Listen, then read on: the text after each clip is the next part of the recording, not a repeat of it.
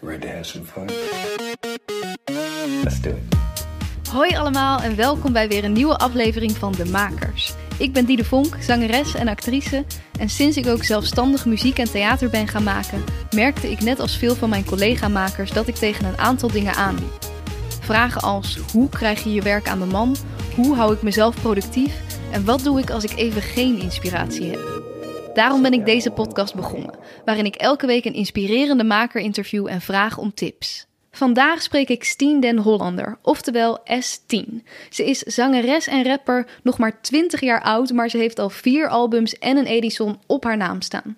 Ik sprak haar drie dagen nadat haar nieuwste album Vlinders is uitgekomen, waar we het natuurlijk uitgebreid over gaan hebben.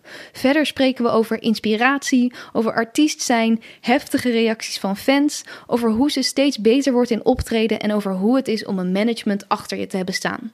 En natuurlijk geeft ze veel tips voor andere Steen heeft een behoorlijk heftige jeugd gehad met veel mentale problemen. Omdat het hier vaak over gaat in haar interviews en er nog zoveel ander moois over haar te vertellen is, hebben we ervoor gekozen om in dit gesprek juist naar het nu en de toekomst te kijken. Heel veel luisterplezier, hier is S10. Ik ben Stien en ik maak muziek onder de naam eh, S10. En wat voor muziek is dat? Ik vind dat altijd lastig Ja, uit te leggen. Ja, het is Eh, ook lastig zo'n podcast. ja. Als je het nooit gehoord hebt, hoe, ja, hoe, Ja. hoe klinkt het dan? Ik denk dat het een wat alternatieve hip-hop is, met ook wel pop en eh, indie invloeden. Yes. Pop en indie invloeden. Ja. Ja. ja. ik snap dat dat lastig is om dat zo in een paar woorden te moeten vertellen. Ehm, hey, afgelopen vrijdag is jouw nieuwste album uitgekomen, Ja. Vlinders. Hoe, hoe is het? Hoe, hoe, hoe is het nu met je? Ja, het gaat echt wel goed. Het wordt heel goed ontvangen. Ik merk wel dat ik echt ineens, sinds vandaag, dat ik echt moe ben. Dat ik echt denk, wow, we hebben echt lang en hard gewerkt. Maar het, gaat, ja, het voelt heel goed dat het, eh, dat het uit is. En ben je dan vooral moe van een soort van het proces ernaartoe? Of nu daarna allemaal interviews? Of allemaal? Ik, ik denk vooral het proces ernaartoe. Want het kost natuurlijk heel veel energie. En je, je, je spendeert toch een best wel lange... Gewoon eigenlijk bijna een jaar aan iets... wat dan uiteindelijk gewoon een product is... wat op het internet te vinden is. Dat is best wel gek. Eh, dus dat kost best wel veel energie. Ja, snap Ja. ik. En hoe, hoe lang is dan ook zo'n zo'n heel album al af voordat je het eh, uitbrengt eigenlijk? Twee weken van tevoren. Oh ja? ja. Zo kort. Dus je Ja. zit dan echt tegen een soort deadline aan te werken. Ja, je zegt aan het begin van het jaar, dan komt het uit. En dan denk je, oh, tijd zat. En dan wordt het echt helemaal tot aan de deadline. eh, Oh, nice. ja. Maar dat is ook, je hebt ook altijd wel het idee van, je kunt eraan blijven werken, Ja. toch? ja, dat klopt. Dus vind je het moeilijk om op een gegeven moment te zeggen, nu is het af? Of... Mm, nou, niet per se, want ik ben altijd als ik een liedje maak of begin te maken, dan is het al vrij ver, bijna al niet meer in een soort demo staat. Ik probeer wel echt altijd gelijk een zo af mogelijk liedje te maken. Dus ik heb niet per se moeite met het- de keuze wanneer is het af, denk ik. Ik denk dat dat meer voor producers eh, lastig Ah. is. Ja, want jij werkt altijd met eh, Sim Veen. Ja. Sam, eh, vaste producer. Ehm, wanneer hebben jullie elkaar voor het eerst ontmoet? Hoe, hoe ging dat?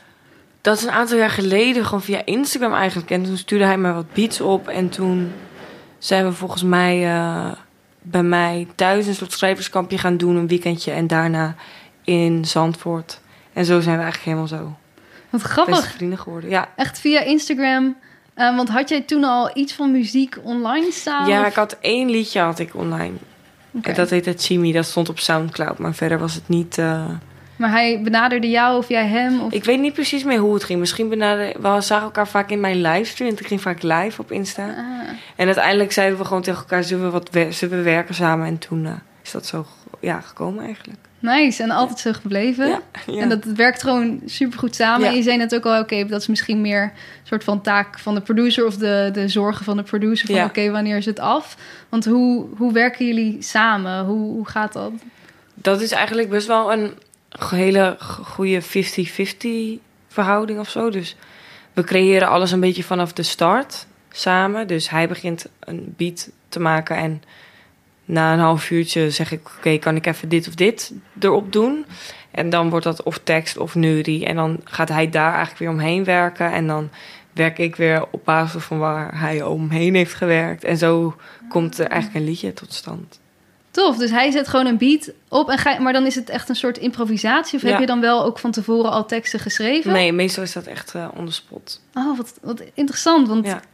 Ja. en ik ken wel het idee van... oké, je hebt zelf een tekst en eh, je, je zoekt daar een beetje een beat bij... maar jij werkt dus eigenlijk echt vanuit wat hij je Ja. aanbiedt. En Ja. hoe het, eh, wat jij daarbij weer voelt of zo. Ja, eigenlijk wel, ja. Nou, tof, super interessant. Ja.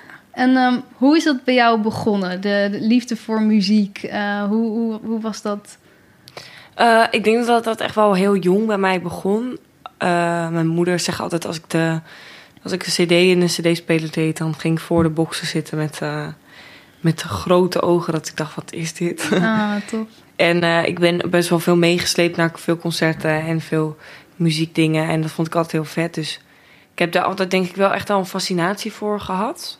Had jouw moeder dan ook daar heel veel fascinatie voor... dat ze jou dat allemaal wilde Nou, laten dat, horen? dat weet ik niet. Mijn moeder kon wel heel erg genieten van eh, muziek. Dus dat, dat denk ik wel.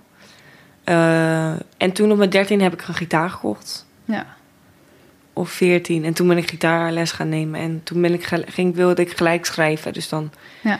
ging ik dingen bedenken op de gitaar. En gelijk Engelse liedjes schrijven. Maar toen kwam ik eigenlijk achter dat ik dat niet zo vet vond. Omdat ik niet per se mezelf kon... eh, echt goed kon uiten in een andere taal. Mhm.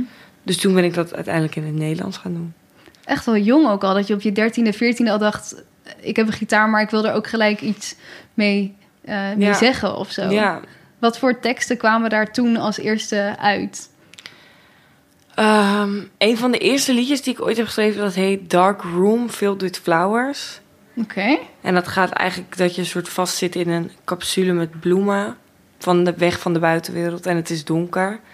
En het begint heel donker en uiteindelijk wordt het soort licht. Het staat ook op eh, Spotify. Oh ja? Ja. maar Ja. hoe oud was je toen dan? Dat weet ik niet, ik denk 15 of zo. Oh, maar dat heb je wel gewoon al op Spotify gezet? ja, en- toen, eh, toen heb ik dat inderdaad op Spotify gezet, ja. Oh, wat grappig. Ja, En vanuit daar merkte je, oké, liever toch in het Nederlands. ja. En eh, ben je je eerste album gaan opnemen eigenlijk met Sim Veen toen al? Eh, ja, hij heeft in het eerste album niet heel... Een aantal producties heeft hij gedaan. En ik heb veel beat... Ik weet, niet, ik weet gewoon niet goed hoe dat destijds is ontstaan. Ik ben dat een beetje vergeten. Ja. een soort waas. Ja, eh, ja. ja. ja. Ja, want voor de mensen die dat niet weten, je hebt ook best wel een heftige jeugd gehad. Eh, het lijkt me ook best wel heftig om dat nu elke keer in interviews het daarover te moeten hebben. Ja. Hoe, ja, hoe, hoe is dat? Wordt het makkelijker om daarover te praten? Of, Nee, het wordt eigenlijk alleen maar moeilijker. ja? Ja, ik wil... Ik ben, ben ook nu zit ik ook echt in een fase dat ik er eigenlijk gewoon niet over wil praten. Ja. Omdat ik het best wel heb gedaan. En het, ik vind het niet echt meer iets relevants eh, voor de persoon die ik nu ben. Mhm. Dus ik praat daar eigenlijk helemaal liever niet, eh, niet meer over. Oh, maar dat, dat snap ik wel inderdaad. Ja. Want het is ook... Het is natuurlijk een deel van wie je bent. Ja, Maar als het altijd daarover gaat, neemt dat ook gewoon een beetje weg wat je nog meer bent Ja. of zo. Je, bent, ja. je, je doet nog zoveel meer, ja dat klopt. denk ja. ik. Nou, tof. Interessant om te horen dat je dat eh, nou ja, gewoon even een beetje opzij zet dan nu. En dan gewoon tijd maakt voor, voor nieuwe dingen. Want je schreef toen dus best wel ook over nou, zware onderwerpen. De eerste twee albums waren best wel heftig. Eh, waar haal je nu je inspiratie vandaan?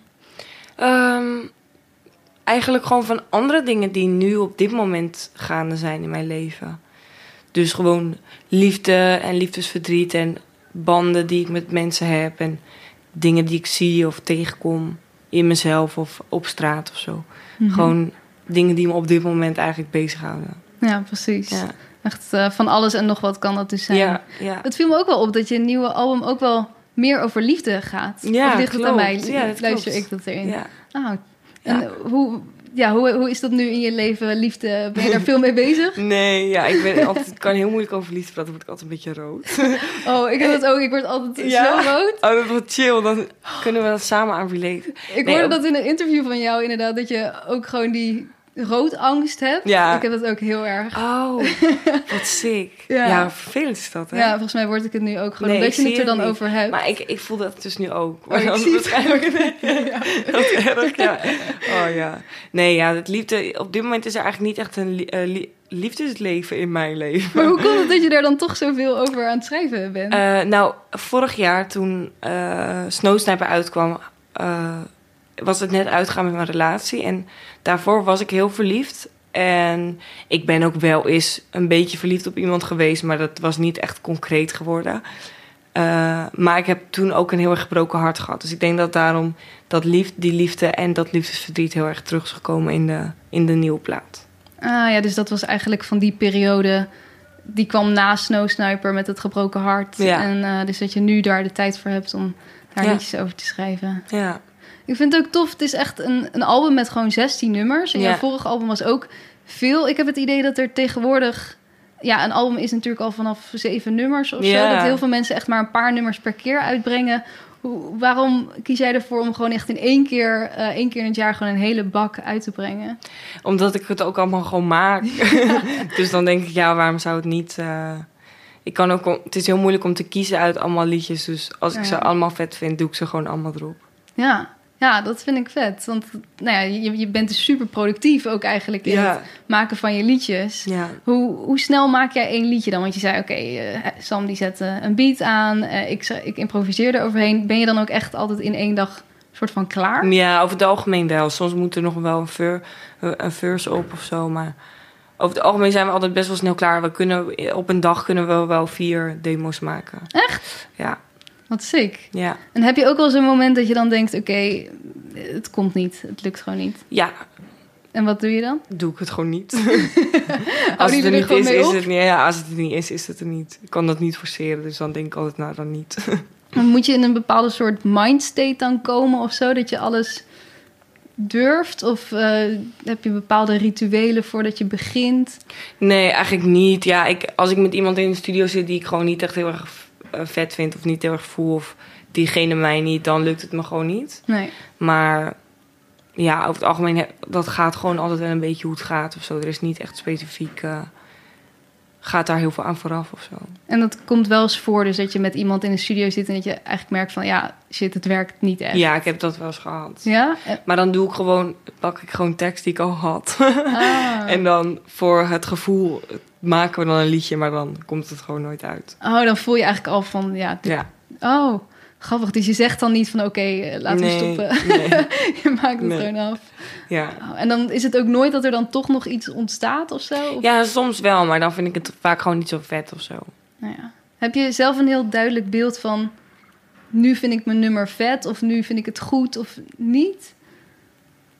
Ja, ik weet altijd wel gelijk wanneer ik iets goed vind en wanneer ik het niet goed vind.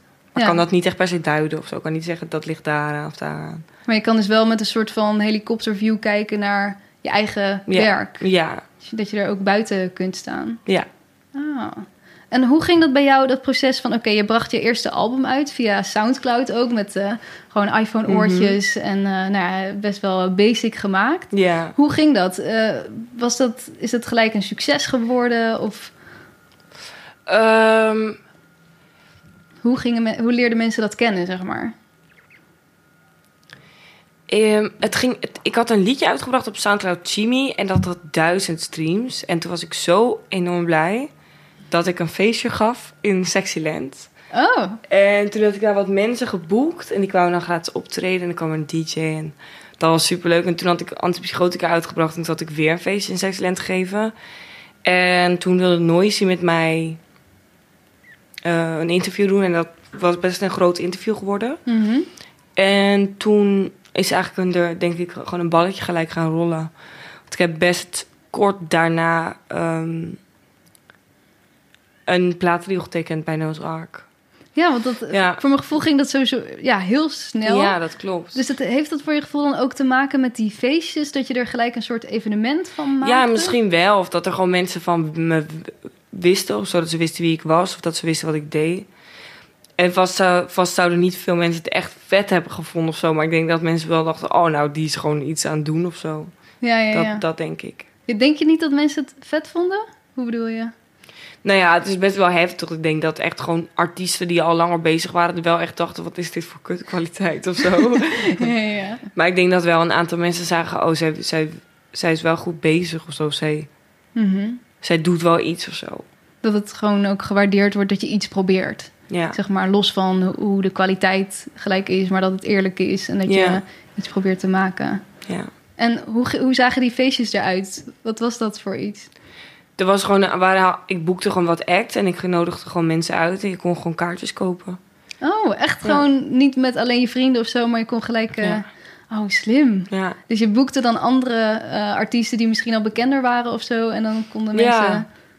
of niet bekend, of gewoon DJ's, mensen die ik kende. Een beetje Mhm. uit mijn eigen netwerk toen. Ja. Ja. Eigenlijk best wel een slimme eh Ja. marketingtechniek.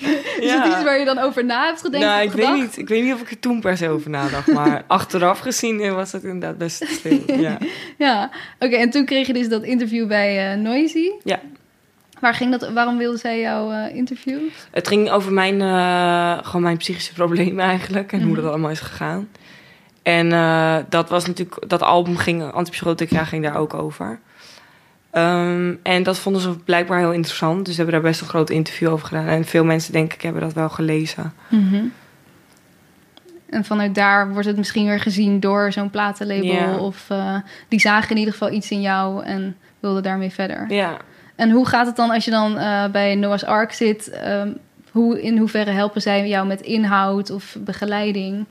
Nou, qua inhoud wordt er is het eigenlijk, dat is gewoon um, helemaal van mij. Maar wat vooral heel fijn is aan eh Noah's Ark is dat ik werk gewoon met iemand, een projectmanager en is ook mijn ENR. En eh, wat hij doet is als ik iets wil, dan gaat hij me gewoon helpen met dat vorm te geven. Dus als ik gewoon zeg ik wil een album maken, dan gaan we kijken, oké, wat voor, wat voor fo- foto op de koffer, Ja. wat voor pers gaan we doen?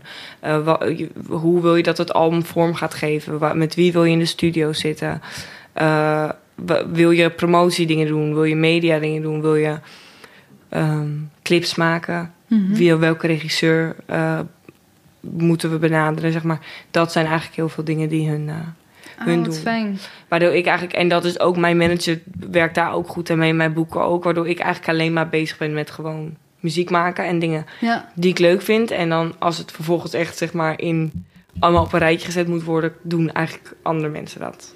Oh, dat is inderdaad fijn. Want ik merk bij veel makers die, die luisteren naar deze podcast... en die, eh, die... Weet je, dat het zo lastig ook is dat je als muzikant... Je bent muzikant, maar je moet al die andere dingen ook nog doen. Ja, En je hebt dan natuurlijk nu wel iemand die je helpt... maar uiteindelijk gaat het natuurlijk ook om... wat voor beeld vind jij passen bij de plaat? En wat, wat wil jij daarin zelf doen? Heb je daar zelf vaak een, een idee voor? Zie je daar beelden bij? Of... ja, ik heb eigenlijk gewoon alle ideeën en die worden dan gewoon eh, uitgevoerd. Super chill. ja, dus nu met, eh, met vlinders zei ik eigenlijk vanaf het begin... oké, ik wil eigenlijk vlinders laten maken van Air Force Ones, vlindervleugels. Mhm. Voor op mijn rug of voor op het podium of zo. En voor op de koffer. En toen hebben we dat gewoon in, toen heeft eh, Davy dat gewoon in gang gezet. En dan eh, wordt dat gewoon gemaakt. En bijvoorbeeld voor de radio is er ook een plugger, een radioplugger bij Noah's Ja. Ark. En die gaat dan de liedjes die ik maak pluggen bij de radio. Mhm. En dan kan ik het ze daar spelen of worden ze daar gedraaid. Ja. En eh, dat is wel heel fijn. Dat zijn gewoon allemaal dingen. Ik kan gewoon leuke dingen bedenken. En ik kan gewoon zeggen, oké, deze stylist. En ik wil dan dit aan en zo. En dan wordt dat gewoon eh, in gang gezet. Regel dat. Ja, en dat is echt, dat is echt super nice. eh. Ja. want daardoor kan ik... Ik heb wel heel erg creatieve vrijheid. Dus wat ik doe of wat ik wil doen... dat kan ook eigenlijk altijd wel. En Ja. dat is echt heel fijn. En geven ze daar dan dus in, ja, in de inhoud van jouw liedjes of het gewoon helemaal geen sturing in? Of, eh, Nee, ze zullen ze af en toe eh, gewoon op, opgooien met, om met bepaalde artiesten te werken. Of misschien te kijken, oké, dit wordt een single, dus... Of dit kan een single zijn, dus misschien niet... eh, ja, wat wij altijd doen, wij hebben meestal niet echt een bepaalde structuur in een liedje. En dat is voor een single altijd wel handig. En kunnen ze wel eens zeggen van... oh, misschien is het handig om dit te doen. Maar dat is niet echt per se iets wat moet of zo. Dus wij doen eigenlijk altijd gewoon ja, wat we willen. En dat is ook altijd gewoon fijn. ja, dus niet van je moet een couplet en een Mm, refrein, want nee, dan ja. wordt het een hit. Ja. Ben je er wel eens mee bezig met, oh, dit, dit, eh, als ik het zo doe, wordt het een hit? Of eh, ben je daar soms mee bezig in je hoofd? Nee, ik ben er wel mee bezig geweest, maar ik ben er gewoon achter gekomen. Kijk, ik, ik kan geen hit maken. Dat, doet een, dat moet een publiek doen. Ah, Dat Mhm. kan ik helemaal niet doen. Niet doen. ja. Dat, vind, dat, dit vind ik ook gewoon onzin. Ja. Dat vind ik gewoon echt niet relevant. Vind ik echt geen relevante informatie om te denken: oh, er gaan zoveel mensen naar luisteren. Vind ik gewoon niet vind ik gewoon echt niet belangrijk in het maakproces. Nee. Eh, want dat legt gewoon druk op mij die ik helemaal niet wil. Mhm. Dus ik heb gewoon besloten dat ik dat ook gewoon niet wil. Dus ik, ik, ik ben daar gewoon nooit mee bezig eigenlijk. En dat heb je in het verleden misschien wel eens Ja. gedaan... en dat je daarmee in je hoofd zat Ja. van... Ja, en dat gaf me gewoon stress. En toen dacht ik gewoon, nou, dat wil ik niet. Dus daar ga ik gewoon ook niet mee bezig zijn. Ja, Dat is eigenlijk hoe ik het heb gedaan. Ja. ja precies. Nou, een goede, goede reden om er niet mee bezig te zijn. Als ik je zo hoor, dan is er in de afgelopen jaren echt al superveel gebeurd. ja. Eh, hoe kijk je, sta je wel eens even stil en kijk je wel eens terug? Hoe reflecteer je erop van wat er allemaal op je afkomt? Ja, dat weet ik gewoon eigenlijk niet zo goed. Ik sta er wel bij stil, maar het gebeurt allemaal gewoon maar een beetje of zo. Ik laat het ook allemaal gewoon maar een beetje gebeuren. En eh, ik vind heel veel dingen... Kijk, ik kan gewoon doen wat ik wil en gewoon daar elke dag mee bezig zijn. Dus dat vind ik gewoon heel fijn. En daarmee heb ik heel veel geluk dat ik dat kan doen. Want dat is echt iets wat mij heel erg motiveert om elke dag uit bed te komen, zeg maar. Ja, Uh, en daar ben ik wel heel dankbaar voor. Maar ik ben niet echt veel, veel bezig met... oh, wat is er allemaal gebeurd of zo. dat, dat, dat niet per se. maar misschien meer gewoon day-to-day van... oké, ik kom mijn bed uit en eh, ik mag doen wat ik leuk vind. Ja, En hoe, hoe ziet zo'n gemiddelde dag voor jou er dan uit? nou dat verschilt eigenlijk echt elke dag. Ehm, maar bijvoorbeeld een week als deze... eh, maandag had ik een, een auditie en dan... eh, vandaag is het dinsdag. Ja, Ja, Eh, heb ik wat een podcast die ik opneem. Hierna Mhm. nog eentje. En morgen ben ik dan vrij. En donderdag ga ik in de studio. En eh, bijvoorbeeld volgende week heb ik wat radio-dingen. En dan ga ik ook weer in de studio. En ik geef les één keer per week op woensdag op de Herman Brood Academie. oh tof. Wat voor Eh, les? He- songwriting. Oh, cool. Ja. Maar eigenlijk verschilt dat elke week heel erg. Soms ben ik van tien uur s ochtends tot tien uur s avonds onderweg en weg. Mhm. En soms heb ik één keer één interview op een dag. Ja. En soms moet ik thuis even wat bellen en wat zoomen. Mhm. Dat verschilt eigenlijk heel erg. Dus, en nu heb je natuurlijk veel interviews, omdat er net een album uitgekomen is. Um, maar heb je in die periode dat je gewoon aan het werken bent aan je muziek, ben je dan gewoon ook echt dagen achter elkaar uh, ja, soms aan wel. het uh, muziek aan het maken? Ja, soms wel echt uh, vijf studio-sessies in een week of zo. En we hebben nu voor dit album zijn we twee weken naar Vlieland gegaan. Dus dan is het gewoon echt twee weken lang Ah. elke dag muziek maken, dingen opnemen. Dat is heel leuk, maar het is heel intensief. Wat vet. Ja, dat was heel leuk, ja. Maar dus dat verschilt echt heel erg hoe, dat, uh, hoe het loopt, zeg maar. En wanneer, zitten die, wanneer zijn dan die twee weken? Is dat halverwege het proces of aan het ja, einde? het was, een of? beetje, het was een beetje halverwege het proces. Iets laat, een beetje laat. Um, maar we hebben daar nog veel nieuwe dingen gemaakt en dingen afgemaakt. En, uh, ah, ja. ja. En is dat dan samen met, met Sam, met Simveen of uh, ook met ja, de mensen hier waren die meewerken? Echt, hier waren echt veel mensen bij. Dus uh, er waren echt veel artiesten gekomen. Dus Remy van Kesteren was er. Jung Nelg en Kian en Soor. Koen van der Wart, Maarten Vos. Er waren echt veel wow. artiesten. Waren er, ja. Heel veel. Ja. Wat tof. En, en functioneer je goed in zo'n omgeving dat, dat je gewoon alleen maar aan het maken bent? Of Ja. moet je dan jezelf er ook soms even uithalen? Of... Nee, ik vond dat wel heel nice. Ja, ik ben ook, kan ook wel even lekker genieten, even, even er weg van stappen. Maar Nee, ja. ik vind dat wel echt heel productief, zeg maar. Om dan twee weken zo hard te werken en dan ook echt een product te hebben bijna. ja, Dat je echt kan denken, oké, deze liedjes zijn allemaal gewoon even goed en dit wordt gewoon de plaat of zo. Dat Ja. is echt, echt nice. Ja, heel tof. En heb je dan ook momenten, misschien door de week of uh, op een drukke dag... Um, of hoe, hoe zorg je dat je ook een beetje rust voor jezelf inbouwt? Dat je, je zei nu al, ik ben nu gewoon moe. Hoe zorg Ja. je dan dat je gewoon ook een beetje daaraan toe kan geven? Uh, nou, morgen ben ik bijvoorbeeld gewoon lekker de hele dag vrij en dan kan ik gewoon doen wat ik wil en dan doe ik boodschappen en zo. Mm-hmm. En uh, ja, kijk, ik, ben, ik ga best wel altijd vroeg slapen. Ik ben uh, Mm. meestal voor, na twaalf uur ben ik al lekker aan het slapen. Mm-hmm. Dus dat houdt mij ook altijd wel goed op de been of zo. Dat ik het niet te gek maak als ik veel dingen moet doen. Mm-hmm. En gewoon veel tijd voor mezelf. Ik heb gewoon altijd veel me-time nodig. Ja? Ja. En hoe, uh, wat, wat doe je in die me-time? Lekker Red Bull drinken, lekker roken. in mijn huis. een beetje muziek. Ik luister de hele dag muziek. Uh, en uh, gewoon een beetje serietjes kijken, een beetje opruimen. Dat vind ik echt altijd heel lekker. Ja, ja heel herkenbaar. Ja. Ik heb dat dan ook, in, misschien zeker na zo'n, dat je zo twee weken op Vlieland bent of zo. Ik zou dat dan ook zo nodig hebben. Gewoon Ja. even zo met jezelf zijn. Ja, volgens mij was ik daarna ook alweer weer gelijk door aan het racen. Maar, maar eh, ja, maar nu, als je dan zo het hele jaar... Want op een of andere rare manier heb ik het heel druk gehad, alsnog. Mhm. En als dan ineens al die drukte zo een beetje klaar is... omdat je ergens naartoe hebt gewerkt en dat is er nu... Ja. dan denk ik, nu voel ik ineens van... oh ja, ik heb echt veel, veel gedaan of zo. ja, als je zo midden in die trein zit, dan ga je gewoon door, Ja, zeg ja. maar. En nu is het album even uit en kan je gewoon even Ja, ja, dat, dat toelaten of zo. ja.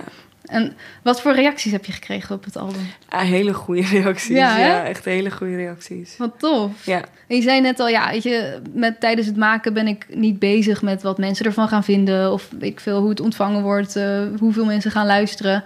Ehm, maar hoe, hoe laat je dat dan toch toe dat, dat je dan nu zoveel leuke reacties krijgt? Eh, ja, het is, ik weet niet, ik lees het gewoon allemaal. en eh, ik vind dat heel erg leuk om dat te horen. Mhm. Want dat is natuurlijk eigenlijk wat je, of tenminste, daar doe ik het op zich op, in het maakproces niet voor. Maar als het dan wel daar is en mensen vinden het zo fijn en zo mooi, dan, dan vind ik dat echt heel vet. Ja, ja, precies. Ja. Het is niet de reden, maar het is natuurlijk wel... Ja, je hebt het ook wel een beetje nodig, toch? Dat andere Ja. mensen het leuk vinden. Ja. Ja. En krijg je ook veel, ik kan me voorstellen dat je ook best wel veel persoonlijke berichten krijgt van mensen. Eh, hoe is dat? Wat voor verhalen krijg je op je af? Nou, best wel veel persoonlijke verhalen over mensen hun leven. Of dat ze gewoon in de put zitten en dat het helpt. En dat krijg ik veel. Gewoon mensen die er wat aan hebben of zo. Maar het lijkt me ook wel heftig, want je bent ook jong en je krijgt misschien mensen hun problemen en zorgen ook allemaal over je heen. Ja, ik vind dat ook niet zo chill. Mhm. Maar ik kan, me wel ik kan wel begrijpen dat als je mijn muziek luistert... en je kan je heel erg identificeren met mij Mhm. op bepaalde vlakken... dat je het ook heel erg kwijt wil aan mij. Dat snap, dat snap ik wel. Dus ik, ik, Ja. ik oordeel daar niet over. Als mensen dat willen doen, dan moeten ze dat gewoon doen. Ja. Ja, ja. En hoe reageer je dan altijd? nee, ik reageer nooit. Oh, wat goed. Want, want Ja, ik kan me ik ook heb zelden denkt- gereageerd op iemand. Echt, ik heb dat bijna nog nooit gedaan. Eh, sowieso op DM's en zo ben ik gewoon niet echt bereikbaar of zo. Als er echt iets is, dan moeten mensen gewoon altijd mijn manager mailen. Ja, precies. Maar voor mij persoonlijk, ik reageer daar gewoon liever niet op. Oh, wat goed. Want ik kan me wel voorstellen dat je een soort eh, verantwoordelijkheid voelt van... oh, ik Ja. moet dan reageren of zo. Ja, ik voel dat niet echt meer hoor. Oh, Eerst wel, maar nu eigenlijk niet. Ik ben, ik ben, het is niet mijn verantwoordelijkheid om op mensen te reageren. Nee, precies. Dus ik denk altijd gewoon van ja, als je je verhaal aan mij kwijt wil. Ik lees het wel allemaal. Misschien Mhm. is dat wel een comforting gedachte voor iemand. Dat Oh, ik het wel lees. Dat ik er wel van weet of zo. Maar als ik op mensen, als ik op iedereen zou moeten gaan reageren elke dag, dan zou ik eh, t- t- toch geen album kunnen maken. Precies. Ja. Je, je bent ook geen hulpverlener of Nee, iets. dat klopt. Je kan niet eh, al die last Nee, natuurlijk dat- met je meedragen. Dat klopt. Nou, wel fijn dat je daar een, een soort modus in hebt gevonden. In, eh, in Ja. nou ja, daarmee omgaan. Ja. Voordat we verder gaan met dit gesprek, even een kleine korte mededeling van mij tussendoor. Ik heb voor een aantal afleveringen van deze podcast een subsidie gekregen. Die is helaas nu afgelopen, maar ik wil deze podcast heel graag blijven maken. Luister jij nou graag naar de makers, dan zou je me heel erg helpen door te steunen via www.petje.af slash de makerspodcast. Het kan al voor 3 euro en ik ben je eeuwig dankbaar. Nu gauw weer terug naar het gesprek. Een tijdje geleden zei je een keer, volgens mij bij Pauw of zo. eh, ik ben gewoon niet zo van die, van die rap shit of van, van artiest zijn Ja. of muziek maken. Ehm, denk je dat nog steeds? Of, Ja, ik heb daar erg slecht verwoord, want ik hou heel, ben wel van die rap shit. ik hou heel erg van eh, hip-hop. Eh, maar ik vind, ik, ik heb- vind het artiestenleven vind ik, het, het wel elke dag een beetje een conflict in mijn hoofd.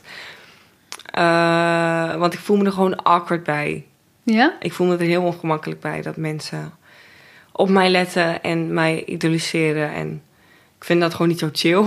Mhm. Uh, maar ik vind muziek maken wel heel leuk. En nu heb ik ook weer heel veel zin om shows te doen. Uh, dus dat vind ik wel vet. Maar ik, ik vind de aandacht die er mee bij komt niet, niet per se heel, Ah, ja. heel chill of zo. ja, dat er op je gelet wordt Ja. en dat mensen iets eh, van je vinden. Of, eh, Ja.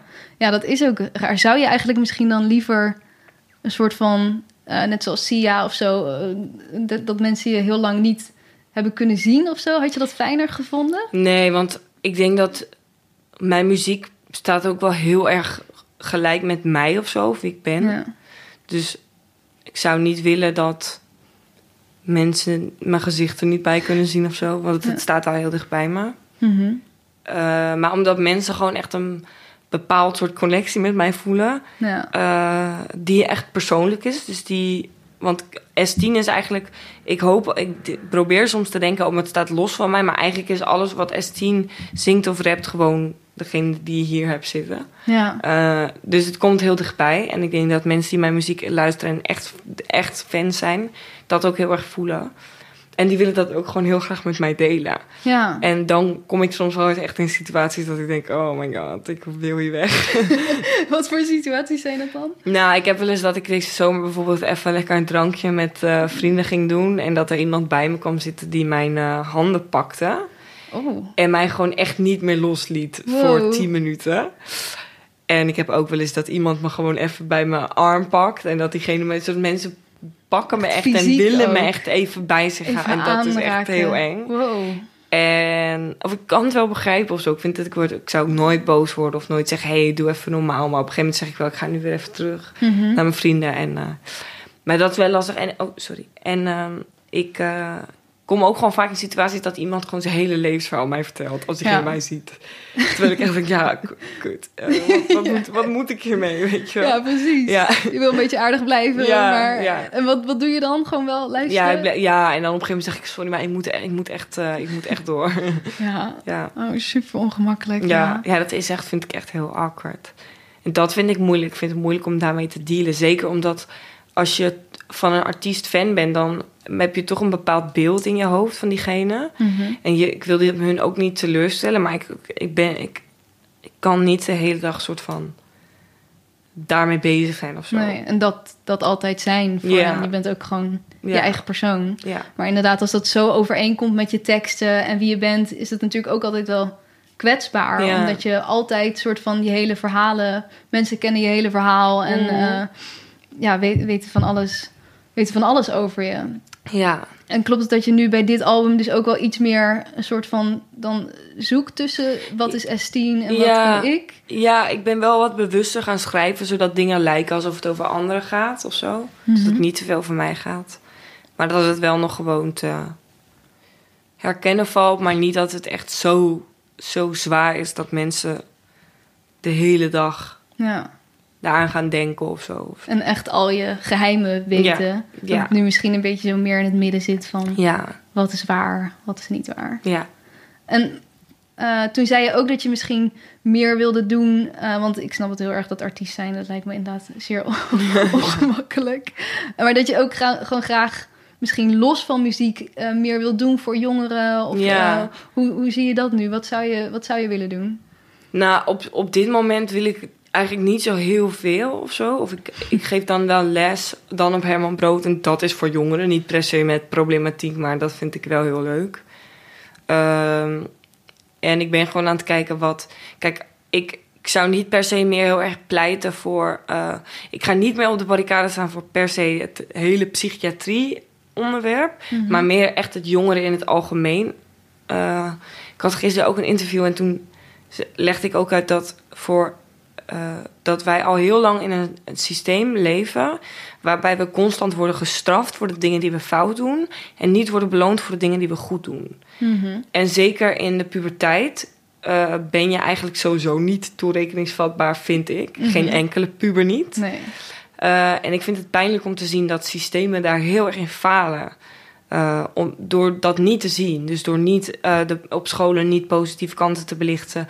Bij GGZ niet te zeggen: Oh, maar dit heb je deze week heel goed gedaan. Weet je? Ah. En dat, dat is iets, zeg maar, daar zou ik nu. Omdat dat voor mij iets minder ook eh, dichtbij ligt of zo. Ik vind het niet meer leuk om de hele tijd te praten over stemmen of over eh psychiatrie-instellingen. Maar ik vind het wel, zeg maar, voor mij is het wel beter te doen om het op die manier te doen. Ja. Dus ik ben daar gewoon over na aan het denken. Maar als ik dat misschien wat meer bespreekbaar zou maken, zou dat ook wel misschien ergens een impact kunnen hebben. Mhm. Ehm, maar verder weet ik het eigenlijk niet. Zeg Ja. maar, ik, heb, ik dacht dat ik heel veel kon doen, maar dat kan ook eigenlijk niet. En ook die verantwoordelijkheid hoef ik ook niet per se te nemen of zo. Nee. Dus ik kan niet de hele psychiatrie redden. No, not at all. Gewoon helemaal niet zelfs. Had je eerst wel het idee Ja, dat of tenminste, ik of dat, dat ik? was echt een, een missie en een taak van mij. Maar toen realiseerde ik me, ja, maar dat komt allemaal veel te dichtbij voor mij. Dat, daar daar wil ik Ah, helemaal ja. niet bij komen, zeg maar. Nee.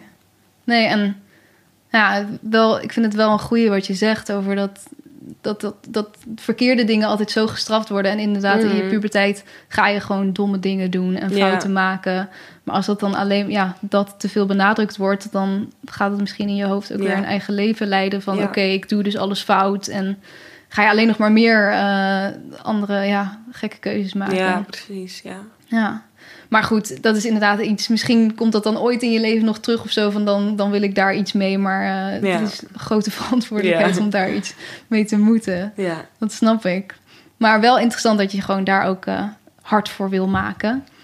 Hoe is jouw band met Wende ontstaan? Ehm, wij zijn vorig jaar met Kaleidoscoop was ik gevraagd om mee te doen. En toen heeft ze mij een paar keer rondgeleid in Carré.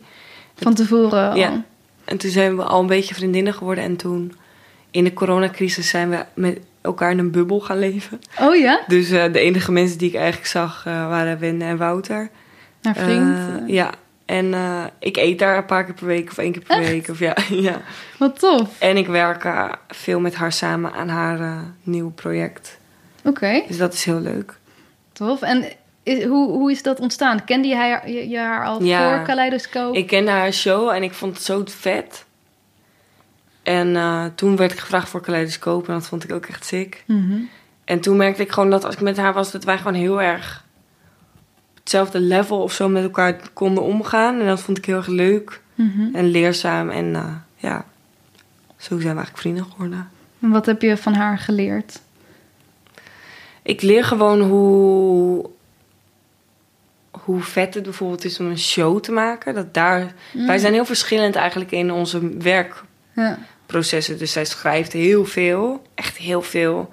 En dan gaat ze pas in de studio, terwijl ik eigenlijk nooit schrijf. En pas in de studio schrijf. En zij denkt eigenlijk in, in een show maken, terwijl ik eigenlijk gewoon denk in een album maken.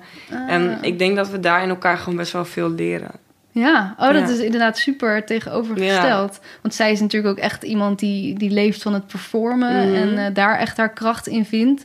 Eh, hoe, ja, hoe, hoe vind jij het performen nu? Wordt het, wordt het leuker? Ja, ik, mi- ik mis het nu heel erg. Oh. Eh, eerst, mijn, ik heb in, tijdens de coronacrisis drie keer in, de, in Carré mogen staan met een eigen show voor 100 man per keer. En dat vond ik zo vet om te doen. oh, wat goed. Dus ik probeer daar gewoon elke dag even aan te denken. En dan denk ik, als je straks weer mag, dan wordt het ook zo vet. Oh, nice. Want daarvoor had je ook best wel... Ja, dat, dat, op het podium staan, dat daar ook wel een angst zat, toch? nou, niet per se een angst. Er zat gewoon eigenlijk geen emotie. Oh, echt? Ik ben, ben niet echt zenuwachtig vaak geweest. eh, maar ik voelde er gewoon niet zoveel bij, eigenlijk. Gewoon bij het... het, het, eh, ik, ik zit even me dat voor te stellen. Want ik, als ik eh, een optreden heb, dan, dan voel ik daar heel veel bij, Mhm, zeg maar. ja. Eh, zenuwen, maar ook enthousiasme. En, eh, en, maar bij jou was het gewoon... Ja, waar kwam dat vandaan? Weet ik niet. ik weet het nog steeds niet. Het voelt gewoon voor mij hetzelfde als dit, of als boodschappen doen, of als... Er was niet een soort piek of dal emotie bij. Het was gewoon hetzelfde als al het andere. Ik liep ook gewoon zo het podium op. en zo het podium af, alsof het niks was. En dan ging ik gewoon naar huis en dacht ik, nou, lekker dat ik weer thuis ben. Oh, ja, het is echt heel weird. Ik weet ook echt niet hoe het komt. maar dat is dus wel veranderd. Nou, dat, dat moet nog blijken. Want Oh ja. in, toen op een gegeven moment... Toen mocht het niet meer. En toen heb ik in Carré mogen staan wel drie keer. Dat was heel vet. Maar nu probeer ik gewoon elke dag mezelf te overtuigen... dat alle shows die nog komen Ah. even vet worden. Maar dat moet nog blijken eigenlijk. En maar weet je wat het dan was? Dat dat dan wel vet was of zo? Of, Ja, het klopte voor mij gewoon heel erg. Sowieso is Carré best magisch om te Mhm. staan. ja. Maar de lichten klopten en mijn kleren klopten. En de show klopte heel erg. Het, was, het klopte gewoon heel erg. Mhm. En nu zitten we natuurlijk allemaal in een super vage tijd waar je niet weet van oké, eh, wanneer gaan we weer optreden en hoe ben je dan wel alvast bezig met een show te maken? Ja, wij gaan, ehm, wij gaan nu de show in elkaar zetten voor de... Want we hebben de, we hebben de tour... tour begint in januari. Mhm. En dat is wel volgens mij een anderhalf meter tour. Dus wel gewoon eh, mensen op afstand. Mhm. Ehm, en die tickets zijn ook eigenlijk gewoon allemaal bijna uitverkocht. Dus dat loopt gewoon goed. En eh, daar zijn we nu gewoon een show voor in elkaar aan het zetten. En heb je al een beeld van wat, wat dat gaat worden? Hmm, nee, nog niet per se. We zijn een beetje aan zoekende nog. Want iedereen moet waarschijnlijk ook zitten dan. Ja. Maar dat is niet zo erg. Dat vind ik juist wel vet. Ja? Wordt het dan ook een soort meer een theaterachtige vibe? Of... Ja, want je hoeft niet per se mensen te. ehm, Misschien is dat ook wel wat voor mij fijn was in Carré. Je hoeft niet een zaal te. Normaal, als je op een podium staat voor een zaal vol mensen die staan, moet je iets doen met die mensen die staan. Je mo- Ze moeten gaan dansen of ze moeten Ja, gaan ja, een moshpit gaan maken of ze moeten gaan genieten of zo. Maar als je zit, dan kijk je toch anders naar een optreden, denk ik. Of je zit, je kan, je gaat niet staan dansen de hele tijd. Of- Nee. Dus daarmee hoef ik ook het publiek niet echt zo te, daarin te gemoed te komen. en dat Ah, ja. scheelt denk ik voor mij heel erg. Ja, dus want- ik vind dat wel heel fijn. Want als, je dan, als er dan een moment is dat ze soort van zouden moeten gaan dansen en ze dansen niet, dan is dat natuurlijk. Precies. En die afwijzing heb je eigenlijk niet Nee, voor een zittend publiek. die kunnen gewoon lekker luisteren. Ja, Ja. ja. Vind ik zelf ook vaak wel relaxed hoor. Tijdens een concert. Tuurlijk heb je soms concerten dat je gewoon wil dansen. Maar Ja, dat je gewoon lekker ja. op je eigen manier ervan Ja. mag genieten, zeg maar. ja dat klopt. Dat, dat lijkt me, vind ik zelf ook echt lekker. Om gewoon te zitten en een beetje te kijken. Ja, precies. Ja. In je op te nemen. ja. Ga je vaak naar, of ja, nu natuurlijk niet, maar ga je vaak naar andere concerten? ja, ik ging wel altijd veel naar concerten. Maar toen ik zelf concerten ging doen, ben ik minder gegaan. Ja, logisch. Dat is echt gek. Eh, maar ik hou wel heel erg veel van concerten. Ja? Ja. Dus je hebt wel een soort van die magie. Je snapt Ja, het wel, wat, het, wat ja. mensen er tof aan vinden. Ja, ja. Maar bij jou zelf was het gewoon niet geklikt. Dat het... Nee, het is gewoon voor mij een beetje een glitch. Ik weet het gewoon niet zo goed. Oké, maar focus Ja. gewoon nu op dat het gewoon vet gaat worden. Ja, ja. En dat denk ik ook echt wel. Ja, het is misschien ook gewoon meer doen en Ja. dan eh, ervaring Ja, het is gewoon, ik denk echt dat het gewoon oefenen, oefenen, oefenen is. Het is gewoon voor mij, ik heb ook gewoon eigenlijk nog helemaal niet veel op een podium gestaan. En op een gegeven moment heb ik ook één keer in Rotterdam acht shows in een weekend gedaan. Wow. Allemaal op anderhalf meter. Mhm. En toen de vierde keer dacht ik, oh ja, maar als ik dit doe met mijn hand hier Mhm. of hier stil blijf staan en als ik dit nu zeg, dan werkt dat of zo. Ah. En eh, de vijfde keer ging ik dat gewoon toepassen. En eigenlijk elke show werd toen op een gegeven moment een soort act. Alleen dat Ja. act-gedeelte, dat vind ik heel moeilijk om te hebben. Want Mhm. het, ik, vind het, ik vind het alsof ik mezelf en de anderen voor de gek hou. Zoals dat is het eigenlijk niet. Nee. Want op een podium staan is eigenlijk gewoon een mega uitvergrote versie van degene die jij gewoon bent in het dagelijks leven. Maar ik vind het gewoon een soort act die ik gewoon. Het lukt me gewoon nog niet om die te spelen of zo. Voelt dan alsof je een soort van grotere versie moet Ja. gaan doen van jezelf of Ja. zo? Oh ja, dat, dat snap ik wel. Ja. Maar misschien als je soort van eenmaal die, die versie hebt gevonden of zo. Of Ja. die, dat vanuit jou dan wel kunt doen. Mhm. Oh, wat grappig. Want ik dacht dat je ging zeggen acht shows in, eh, in een weekend. Eigenlijk veel te veel. Maar eigenlijk hielp het jou dus Ja. juist om in die modus te komen. Ja, om zo. gewoon steeds iets beter te worden of zo. Ja, en dus dingen uit te gaan proberen. Ja. En eh, ah, ja, daar is elke artiest denk ik ook weer anders in. Ja. in wat, je, wat je daar fijn in vindt. Zijn er dingen, lessen die jij hebt geleerd in de afgelopen jaren over het artiest zijn of het, het makerschap die je, die je misschien als je een paar jaar geleden eh, had willen horen? Nou, ik heb gaandeweg wel gewoon steeds dingen geleerd. Dus ehm, ik denk dat je gewoon dicht bij jezelf moet blijven. En altijd moet zijn, op, zoek, op zoek moet zijn naar iets wat er nog niet is. Hoe bedoel je die? Als in, als maker, eh, voor mij is het heel belangrijk dat ik altijd iets doe wat nog eigenlijk niet gedaan is. In Mhm. muziek maken dan specifiek. Iets wat, waar niets aan gelinkt kan, worden, zodat, ik, zodat het alleen aan mij gelinkt kan worden, zeg maar. Ah, ja. En ik denk ook dat concessies doen niet per se nodig is. Misschien wel af en toe even, maar als het bij mij gaat om het maken, dan wil ik gewoon geen concessies doen. Dan wil ik gewoon niet dat me verteld wordt wat ik wel en niet mag doen. Mhm. En dat heb ik me ook niet, niet echt laten vertellen. En dat heeft me wel veel geholpen of zo. Ja, want heb je dat nooit... Zeker als je, als je net begint of eh, voor hoe oud of jong je dan ook bent... lijkt het me ook wel moeilijk om dan zo voor je eigen ding te gaan staan of zo. Ja, dat klopt. In het begin lukte me dat ook niet heel goed. En toen dacht ik ook, ik moet gewoon heel erg doen wat nu op social media gaan is. Dus heb ik ook wat commerciële liedjes gemaakt tegen release. Maar toen merkte ik eigenlijk gelijk dat ik niet gelukkig werd van die releases. En Ja. ook al helemaal niet gelukkig werd als ik die op een podium moest gaan doen. Oh ja. Ehm, en dat vond ik, vond ik gewoon eh, vond ik gewoon interessant. Dus dacht ik, oh ja, maar dan doe je het toch gewoon niet. Ja, maar dat is wel goed dat je dan zo gewoon bij dat... dat je dat zo duidelijk hebt gevoeld van oké, Ja. dit, is, dit werkt Ja. gewoon niet voor mij. En daar ook dan weer je, je volgende keuzes op baseert, zeg Ja. maar.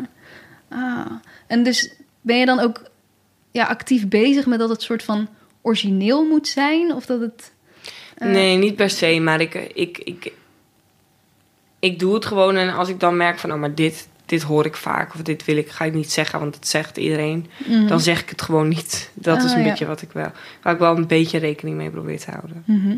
Ook zodat mensen misschien iets minder gaan vergelijken of zo. Ja, Word je wel eens vergeleken nu met anderen in de hip-hop scene? Nee, eigenlijk pop? niet. Nee, hè? Nee. He- Dat is wel, zeker als er nieuwe artiesten opkomen, is dat altijd zo'n ding dat je het inderdaad met elkaar gaat vergelijken. Maar je, bent, je hebt gewoon gelijk je eigen Ja. genre gecreëerd. Ja. dat lijkt me wel een fijne positie, inderdaad. Niemand waar je mee moet concurreren. Of Hmm. heb je wel eens dat gevoel dat je moet concurreren met iets of iemand of een. Nee, eigenlijk ook niet per se. Nee. Ik vind dat ook heel onrelevant Mhm. voor mij, voor artiesten. Ja. Ik vind dat echt kut. Of ik soms denk ik wel eens, oh, deze zangeres kunnen echt veel beter zingen dan mij. En zijn echt veel mooier. Maar dan denk ik, ja, Mhm. nou. En ik vind het heel vet, dus nou en. nee, ik ben, dat is, nou, dat is natuurlijk wel lastig. Maar ik heb niet, ik heb, ik vind dat gewoon, waarom zou je je eigen iets met iemand anders gaan vergelijken als het gewoon van jou is? Dit is toch van, dit is toch mijn muziek en dat is jouw muziek. En waarom zouden we dat überhaupt met elkaar moeten gaan vergelijken? Dat vind ik echt, dat vind ik echt niet vet. Nee. Maar het is wel lastig ook soms, toch? Om het niet te gaan vergelijken. Nou, ik vergelijk eigenlijk mijn muziek nooit meer echt met mensen. Nee. Nee.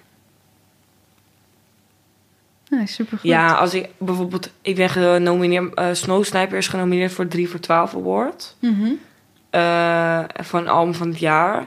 En dan zeg ik wel... Oké, maar dit album van Eentje de Visser is gewoon het vetste album wat er is uitgekomen dit jaar. Mhm. Dus dit is, is niet het album wat gaat winnen. Zeg maar, dat is wel een vergelijking, maar dat is ook... Dat heeft voor mij een soort wel positieve invloed of zo.